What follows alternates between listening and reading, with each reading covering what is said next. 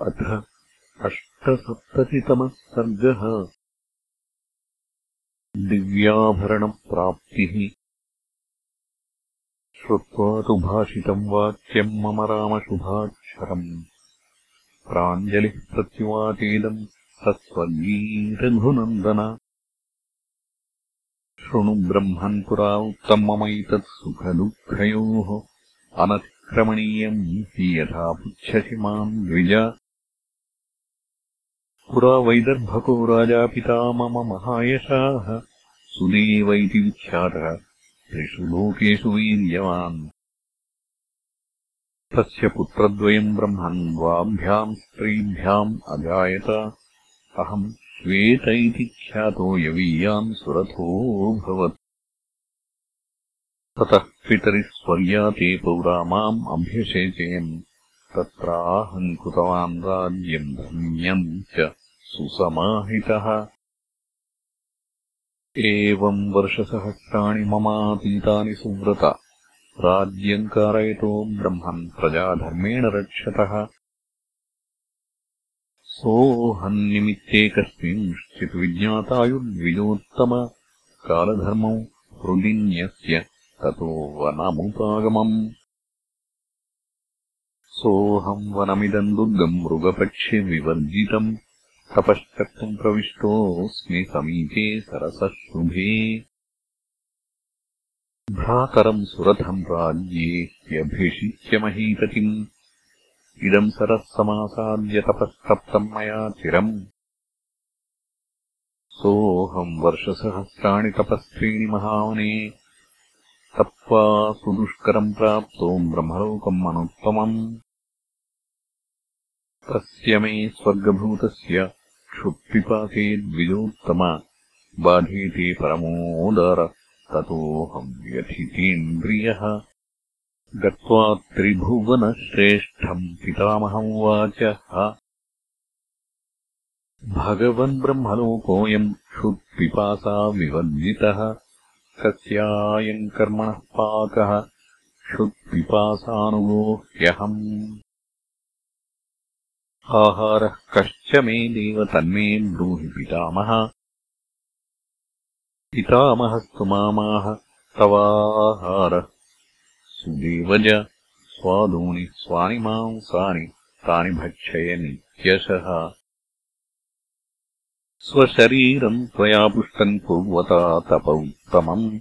अनुक्तम् रोहते श्वेत न कदाचिन्महामते तृप्तिर्न तेऽस्ति सूक्ष्मा पिबने सत्त्वनिषेविते पुरा त्वम् भिक्षमाणाय भिक्षा वै यतये नृप। न हि दत्ता त्वयेन्द्राभ यस्मादतिथयेऽपि वै। दत्तन्न तेऽस्ति सूक्ष्मोऽपि तप एव निषेवसे। तेन स्वर्गगतो वत्स बाध्यसे क्षुत्पिपासया स त्वम् सुपुष्टम् आहारैः स्वशरीरम् अनुत्तमम् भक्षयित्वामृतरसम् तेन तृप्तिर्भविष्यति यदा तु तद्वनम् श्वेत अगस्त्यः सुमहान् ऋषिः आगमिष्यति दुर्धर्षः तदा कृच्छ्राद्विमोक्ष्यसे स हि तारयितुम् सौम्यशक्तः सुरगणानपि किम् पुनस्त्वाम् महाबाहो क्षुत्पिपासावशम् गतम्। सोऽहम् भगवतः श्रुत्वा देवदेवस्य निश्चयम्। आहारम् गर्हितम् कुर्मि स्वशरीरम् द्विजोत्तम। बहून् वर्षगणान् ब्रह्मन् भुज्यमानमिदम् मया। क्षयन्नाभ्येति ब्रह्मर्षे तृप्तिश्चापि ममोत्तमा तस्य मे कृच्छ्रभूतस्य कृच्छ्रादस्माद्विमोचय अन्येषाम् न गतिर्ह्यत्र कुम्भयोनिम् कृते द्विजम् इदम् आभरणम् सौम्य कारणार्थम् द्विजोत्तम प्रतिगृह्णीष्वभद्रन्ते प्रसादम् कर्तुमर्हसि इदम् तावत् सुवर्णम् च धनम् वस्त्राणि च द्विज भक्ष्यम् भोज्यम् च ब्रह्मर्षे ददात्याभरणानि च। सर्वान् कामान् प्रयच्छामि भोगांश्च मुनिपुङ्गव। तारणे भगवन्मह्यम् प्रासादम् कर्तुमर्हसि। तस्याहम् स्वर्गिणो वाक्यम् श्रुत्वा दुःखसमन्वितम्।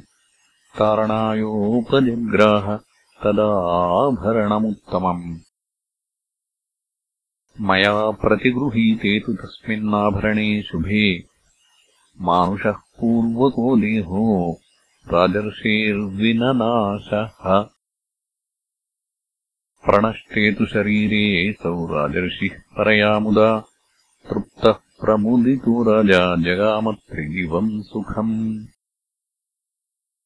तेनेदम् शक्रतुल्येन दिव्यम् आभरणम् मम तस्मिन्निमित्ते काकुत्स्थ दत्तम् अद्भुतदर्शनम्।